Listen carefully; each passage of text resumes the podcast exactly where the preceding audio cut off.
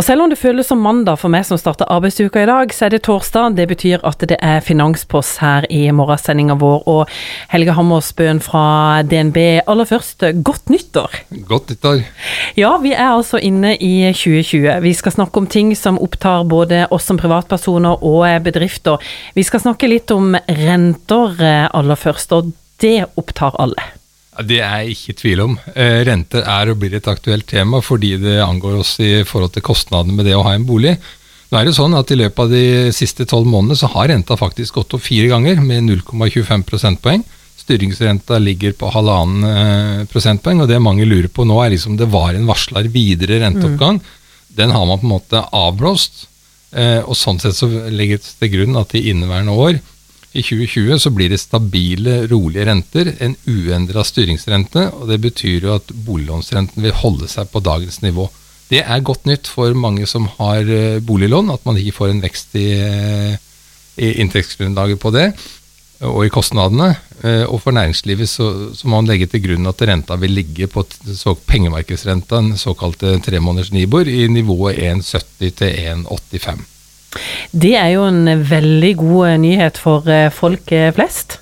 Folk flest syns eh, det er veldig hyggelig. Vi har jo hatt en periode fra 2008 hvor boliglånsrenta var 6,7% og så falt den ned i nesten 2% Nå er den liksom kommet på, på, på litt under 3% og rundt der. Men det gode er liksom at nå får vi ikke noe mer tilskudd til privatøkonomien gjennom renta. Det betyr at du har en stabilitet, men det betyr også at hvis du skal få mer å rutte med, så vil det skje gjennom en lønnsvekst, som en inneværende år er prognostisert til ca. 3% Og så vil det være hva du sjøl klarer å rutte med, og eventuelt spare inn på det som er litt sånn hverdagslige ting. Og det vi ser ofte, er liksom at de som skal få bedre økonomi i en relativt stabil situasjon, da må du gjøre noe med de vanlige, tradisjonelle utgiftene dine. Litt hverdagsutgifter. Kanskje går du og kjøper en kaffe, kanskje går du på bensinstasjonen og handler andre ting som er dyre. Det blir mye penger til slutt. Men hvis vi skal se på 2020, og hvis vi skal se på bedriftene på Sørlandet, hvordan blir året, tenker du?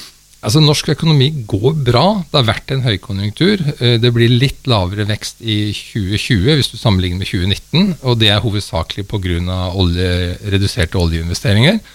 Eh, Sørlandet som sådan går godt fordi vi har en stor, god eksportnæring. Det er en svak krone. Det er gode rammevilkår for eksportindustrien og, eh, og industrien generelt.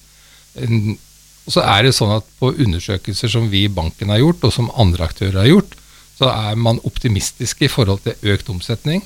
Man, har, man er optimistisk i forhold til utvikling i, i ordrereserve, og man er optimistisk i forhold til resultater. Det som ikke er like optimistisk eh, der, det har vært at man ikke skal ansette like mange som man har gjort eh, tidligere. At man er litt sånn på nedadgående trend, men det er fortsatt en vekst. Så på mange områder, dette ser veldig bra ut. Samtidig så må jeg legge til at det er ulike forskjeller i ulike næringer, og det er ulike forskjeller fra ulike bedrifter. Det de fleste sliter med, og som er en kamp i hverdagen, det er å få omsetning og så er det å beholde marginene. Det er en hard kamp om kundene, og da skvises marginene. Torsdag, da er det Finansposten, og vi snakker litt om 2020. Vi har snakka litt om renter, og om ja, hvordan 2020 blir for bedriftene på, på Sørlandet. Og Helge Hammersbøen, vi skal også snakke litt om lommeboka vår. Hvis vi først skal snakke litt om kanskje dette med ferie, så har jo alltid Danmark f.eks. vært et stort feriemål for de fleste av oss. Det er dyrt å reise til Danmark nå fortsatt et godt feriemål, og nordmenn trives godt i Danmark. Ja. Men ja, det er blitt vesentlig dyrere fordi den norske krona har blitt svakere. Den ble litt sterkere i, i desember, men er fortsatt veldig svak.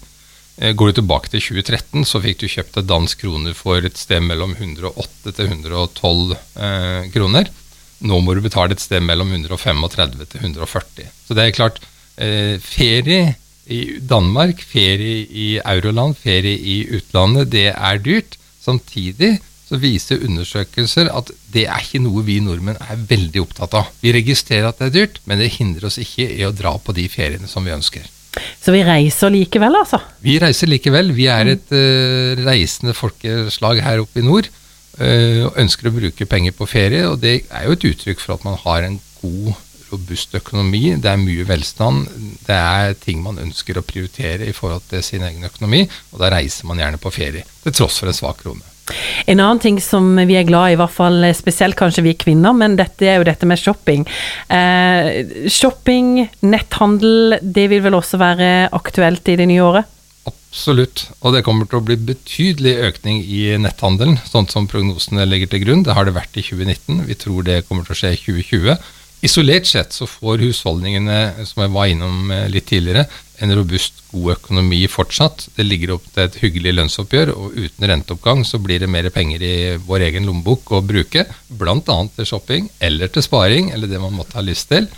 Eh, men det er klart, det er et spennende tema dette med varehandel, fordi du har en situasjon i dag hvor det med brukt kommer mye sterkere inn som en trend. Du har det med netthandel, og så har du det med kjøpesentra. Og så ser vi at, og det gjelder her på Sørlandet òg, eh, store kjøpesentra har også sine utfordringer, hvor du ser det er en transformasjon av kanskje mer opplevelser på det som skjer på et eh, kjøpesenter.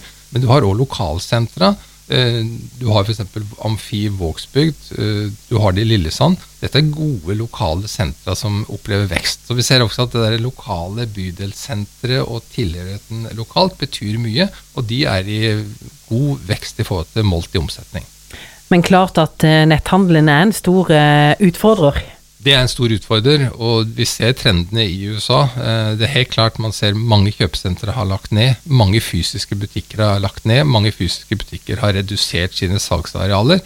Og at dette påvirker det fremtidige handlemønsteret, det er ikke i tvil om.